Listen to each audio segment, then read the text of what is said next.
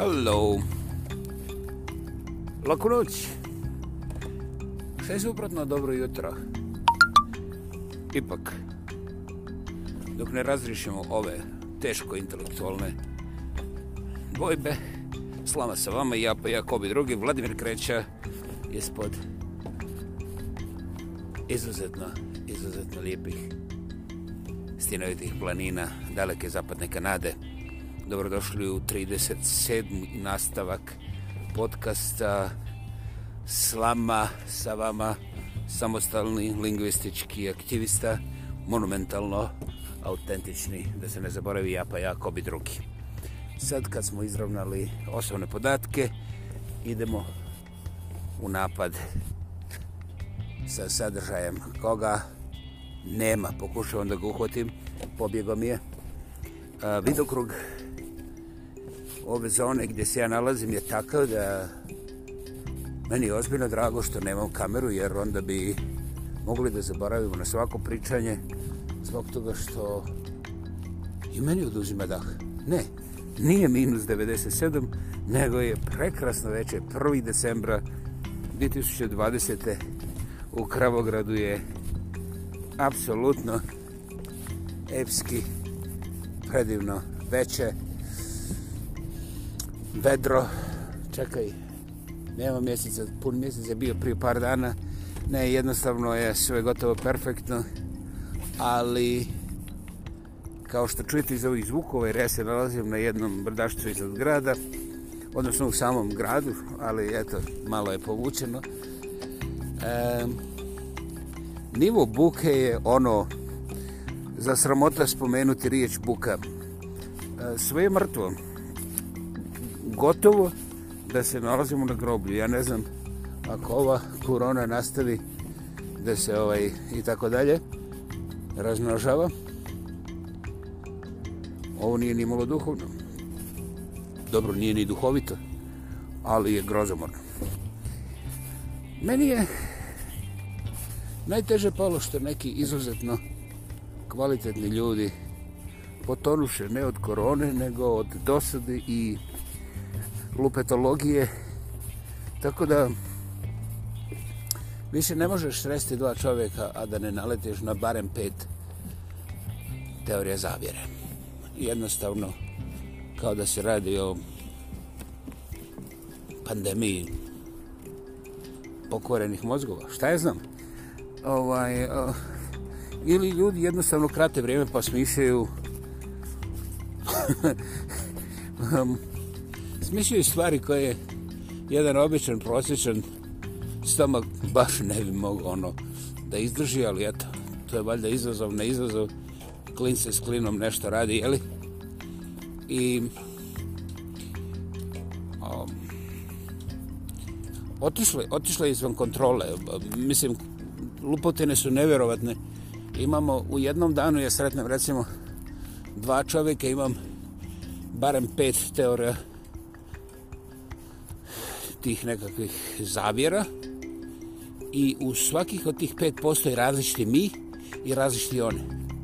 Mislim, ono, šizofrenija je postala zdravlje, čisto zdravlje, jer ovo je kaleidoskop beskrenih mogućnosti, mi i oni, tako da pff, ja svako malo, ono, skočim u neke nove mi, neke nove oni. I to, nažalost, nije šala šta se desilo, otkud bi ja znao i koga na kraju krajeva briga. Međutim, to se vrlo, vrlo lako može zaustaviti. Međutim, to neće zaustaviti politike i novci. To može samo da zaustavi zdrav duh, pa makar i bolesnih ljudi. Jer duh ipak nema fizičko tijelo i ne može recimo da se razboli od dizenterije ili šta je znam, upale krajnjika. Pri neko večer razgovaram sa čovjekom koji mi priča nekoliko tih teorija od kojih je onako najveći komad vremena pojelo naklapanje o tome kako oni hoće da skrate broj nas. Na najradežitije načine oni hoće da nas skrate za 7 milijardi glava, jer neko je proračio da je 500 miliona na cijeloj planeti. Ok, i onda kad izračunaš koliko ćemo čačkalice uštediti, onda ne moramo ni saditi šume, možemo da palimo čak više nego što smo do sad palili i tako redom. Mislim, i ja gledam te sve umljačke transverzale, taj čovjek nikad nije bio blentav, ali ovaj, onda sam odjednom pomislio da blentavima trebamo ozbiljno i javno da se izvine ovo što, što ovom prilikom čini. I tako pustim ga ja sa svim tim detaljima u koje on upao jednostavno toliko da nema šanse čak ni da mu aplaudiram, ne čuje, on je u transu. Kako oni nas istrebljuju i kako su nam podvalili ovo, kako razumiješ ti mene, čak i voćni sokovi imaju višak šećera, manjak celuloznih vlakana, a minerala nigdje što uzrokuje ovu bolest, onu bolest, mislim, znaš, nije to sve šuplje, ali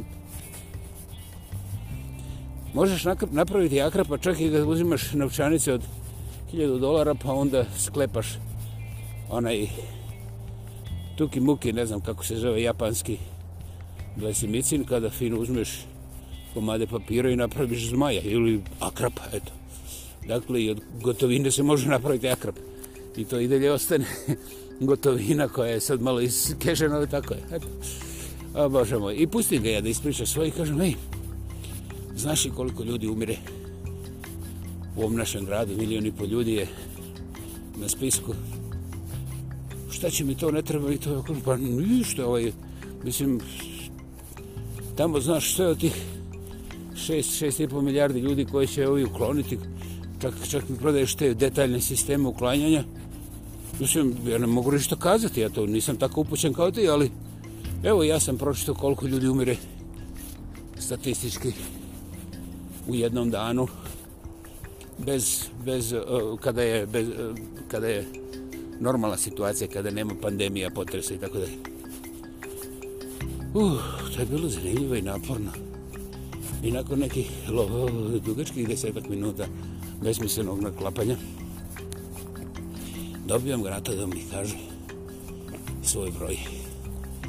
I ja kažem, slušaj, grdo si promašio i ja sam isto tako nešto, ali nisam bio ni blizu, evo, ovo je pravi broj. Uu, kako zaši, tako dalje.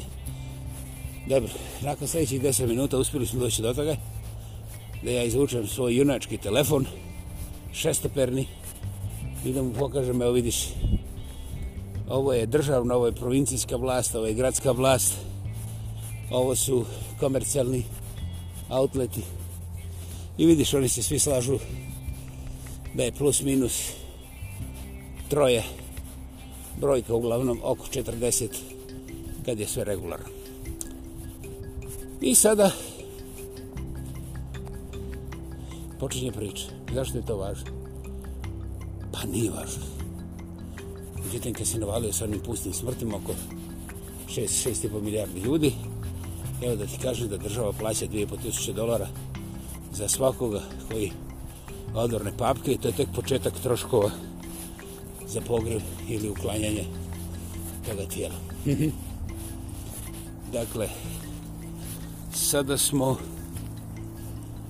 već u pragmatičkim vodama koje se lako daju izmiriti. I sad ono pomiri, znaš, 40 puta, 2 puta, su, e, e, stani, stani, stani. Sad pogledaj ovo, pokažemo izvor. Prosječan pogreb, ne govorimo o posljedićoj stvari, prosječan pogreb u stvarnom životu ipak košta preko 7,5 tisuća dolara, znači tri puta više od onog što država izvuče iz svog džepa. Znači tih 5 tisuća mora izvući familija, osiguranje ili ko već.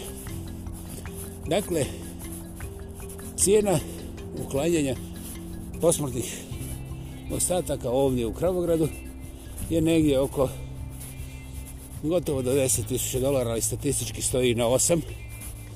I ovaj... Sada, kad to pomnožimo za 40, dobijamo ogroman novac i onda ja njemu kažem, pogledaj, kad si razmišljao da otvoriš svoje pogrebno poduzeće. Opet čovac kao da je napadnut, ne zaboravite, to je jedan vrlo inteligentan čovjek, iskusan, koji ima puno više od 18 godina. Ja kažem ništa, ti si meni ispričao toliko tih teorija sa nuklearnim bombama i stotinama miliona ljudi koje treba ukloniti. To su cijele države, o čemu ti pričaš, ja tebi govorim samo o jednom gradu, i ovaj, uspio sam u pola sata da dođemo do toga kako razumiješ da svakoga dana minimalno oko smrti se vrti ha, Bože moj od 4 do 40 miliona dolara svakog dana u jednom gradu dakle vrti se ozbiljan novac a vidiš razmak od do je strašno veliki i gotovo nemoguće precizirati. I sada, zašto je tako? Pa zato što je smrt privatna, ne možeš, ne možeš otići kod peri i pitati koliko te koštalo kad si ovaj sahranjivo mater, znaš. Možda možeš otići kod pere, ali kad dođeš kod Ante, znaš, već se se pročite da ti okolo njuškaš koliko ljudi plaćaju pogrebe, i oni mogu pomisliti razno razne stvari, pa čak idete u vuku u nekakve političke, izmišljene priče, nema veze. I ovaj, onda si ti živ, a pokopan. Dakle, ono što sam ti htio reći, vidiš, vrlo teško je tvrditi koliko je, stvar, koliko je stvaran broj. I onda mi jedino možemo da izmišljamo priču. A jeste škakljivo, škakljivo je zbog toga što od tih 4 miliona kao neke minimalne dnevne ovaj, potrošnje na smrt, 80% završava u džepovima pogrebnih poduzeća. Ha! Sad dolazimo na interesantno pitanje ko je vlasnik pogrebnih poduzeća. Ili, jedno još ljepše, kako se postaje recimo vlasnikom pogrebnog poduzeća. Da li se nekad vidi u oglasima prodaje se pogrebno poduzeće, razumiješ, kolica, sala za plakanje, furuna za prženje, ovaj, mrtvaci i tako te stvari. Vidiš, ja nisam vidio nikad, a ti kad vidiš, pokaži mi, molim te. Međutim, ja znam da su licence na nivou države, znači provincije, limitirane, a onda unutar tih limitacija ima još podlimitacija da se izgubiš. Uglavnom, ono što sam ja saznao u zadnjih 20 godina u samom Kraogradu se pojavila samo jedna nova registrana kompanija, a ona je vla, a i ona je u vlasništvu sina, odbjeglog sina jednog od tih uspješnih da im ne spominjem ima. Dakle, kao što vidiš, već imamo dovoljno materijala za barem desetak teorija tih nekakvih zavjera. Međutim, ono što ja znam,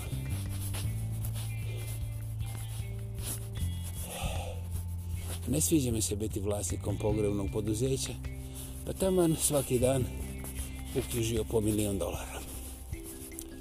Ne znam zbog čega, vjerovatno je to zbog mog političko-religioznog stava, u kome sam ja nerazvijena komunjara feudalnog stila sa očiglednim promašajima ovaj ljevičarskog nastajanja da desnicu uposlijem za usrećivanje meneme centralno ovaj objekt toga koji se sa desnicom izdesni, jel? To je to. Može biti nešto sedmo. I tu je sad početak. Ha, Bože moj. Um, Pandorina kutija, nije otvoreno. Zašto bi otvaro budala ima i bez toga? Ovaj, ali eto, zanimljiv predložak, jer ovaj, meni se čini da pogrebna poduzeća neće dozvoliti da im se ustostruši dnevni priliv ovih pacijenata, jer tolike količine novca ne mogu da drže u banci, moraće da osnuju neku super mega banku da bi držali sve te novce. Dakle, oni žele da im ljudi umiru, umiruckaju, umiru, ponekad malo više gekaju, ali ni slučajno žele da im umre preko noći 10-21 ljudi, jer šta bi oni jednici, onda morali da zaposle svoje i kad zaposle imali bi prevelik broj radnika koji bi onda imali svoj sindikat i eto ti komunizam, gotovo. Dakle, oni, oni su fini pušteni ljudi, oni ne pravi ni, ni komunizam, ni ovaj feudalizam, oni žele da to polako ide. Da lepo grickaju kako vrijeme prolazi. Čovac me nije izbacio iz auta, bože moj, ali mi je bilo jasno da je razgovor završen, jer ja sam njemu kao držao nastavu iz teorija zavjere. Nisam tužan dobro, možda sam ružan, nisam tužan. Otišao sam i ovoga... Osjećao sam se povlašteni što imam evo ovu spravu da maltretiram nekoga na kraju ove žice. Evo, to ste vi koji slušate. U stvari, ja ne želim da vas maltretiram, nikad ja nisam bio sadista. A to sa mazahizmom mi nije išlo. Ipak, kada mogu reći, juj, kako mi pritislo ovih dana sa tim teorijama zavire, onda se osjećam povlaštenim i u tom smislu vam iskreno zahvaljujem. Zahvaljujem i Bogu, što bi, ove, u devini svi bogati, kada su u nekom selu. Zahvaljujem i gospodu Bogu što me drži na ovoj zemlji. Evo, nikoga mi nema na vratu, ja u šetnji mogu da ovo ispričam i imam slobodu. U Kanadi ima blagoslovenog prostora i to je neprocjenjivo, neprocjenjivo blagodat. Neprocjenjivo blagodat. A, ako mi ne vjerujete, hvala, vrlo lijepo od vas. Dobro je znati šta vi ne želite vjerovati. Ja ne samo da vjerujem, ja to udišem i vrlo sretno i zadovoljno o tome govorim. Dakle, ne morate se složiti, jer i to je početak komunizma i to onog najgore feudalističkog. Dakle, slama sa vama, vreme je za odmor, ja vas najljepše pozdravljam i svakog prije svega istinski zahvaljujem na vašem vremenu i pozornosti. Nije ovo sve slučajno, pogledajte oko sebe, vidjet ćete da i vi imate prostora da izađate i da smanjite broj teorija zavjera. Puno će se lakše disati, jer ima nešto u ovoj pandemiji što od vrlo, vrlo pametnih ljudi pravi budaletine brutalis, vulgaris, oh, majko mojis, nevjerovatnis. Ovaj, I to nije dijagnoza, to je gore od bolesti. Hvala. Bio je ovo 37. nastavak podcasta Slama sa vama. Najljepši pozdravi sa kraja prolete. Hvala i uskoro se čujemo ponovo. Hvala.